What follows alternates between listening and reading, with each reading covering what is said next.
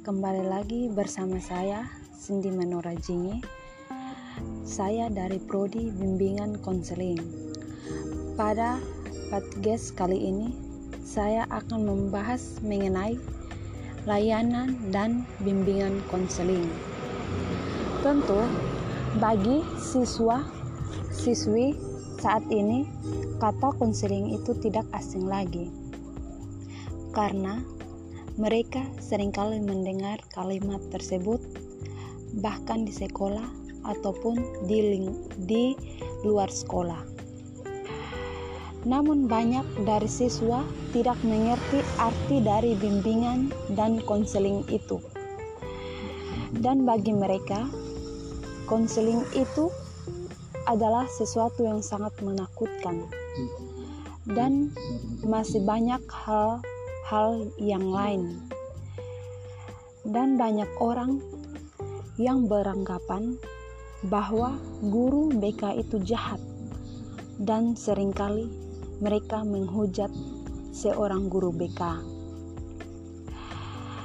Itu sebagai guru yang sering memukuli siswa dan mereka selalu menganggap guru BK itu remeh dan selalu ada di benak mereka guru BK itu seperti polisi sekolah. Dan mereka juga sering beranggapan guru BK itu menakutkan. Dan mereka tidak tahu arti dari adanya guru BK itu di sekolah. Dan bahkan fungsi dan tujuan dari bimbingan konseling itu.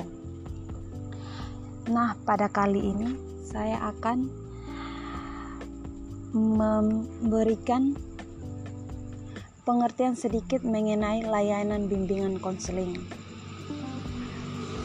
Sebelumnya, apakah kalian masih ingat apa itu layanan bimbingan dan konseling?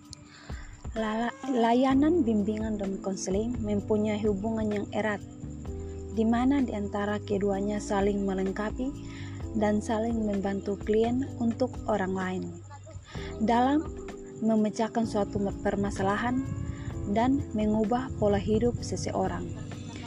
Seperti mengubah pola hidup yang salah menjadi benar atau pola hidupnya negatif menjadi positif sehingga kalian dapat mengarahkan hidup sesuai dengan tujuannya karena tugas dari seorang pembimbing atau konselor yaitu memberikan arahan yang baik kepada terbimbing.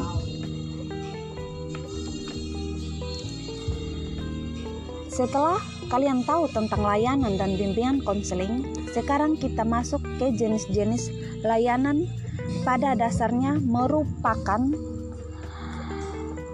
operasionalisasi dari konsep bimbingan dan konseling dalam rangka memenuhi berbagai asas seperti prinsip, fungsi, dan tujuan bimbingan konseling. Dan dalam per perspektif kebijakan pendidikan nasional saat ini terdapat tujuan jenis layanan. Namun, sangat memungkinkan ke depan akan semakin berkembang, baik dalam jenis layanan maupun kegiatan pendukung. Para ahli bimbingan di Indonesia saat ini sudah mulai meluncurkan dua jenis layanan baru, yaitu layanan konsultasi dan layanan mediasi. Namun, kedua jenis layanan itu belum dijadikan sebagai kebijaksanaan formal dalam sistem pendidikan di sekolah. Untuk lebih jelasnya, di bawah ini diuraikan 11 jenis layanan bimbingan konseling yaitu layanan orientasi, layanan informasi, layanan pembelajaran, layanan penempatan dan penyaluran, layanan penguasaan konten, layanan konseling perorangan, layanan bimbingan kelompok, layanan konsultasi, layanan konseling kelompok, layanan mediasi, layanan dukungan sistem. Baik, hanya itu dapat yang dapat saya bagikan.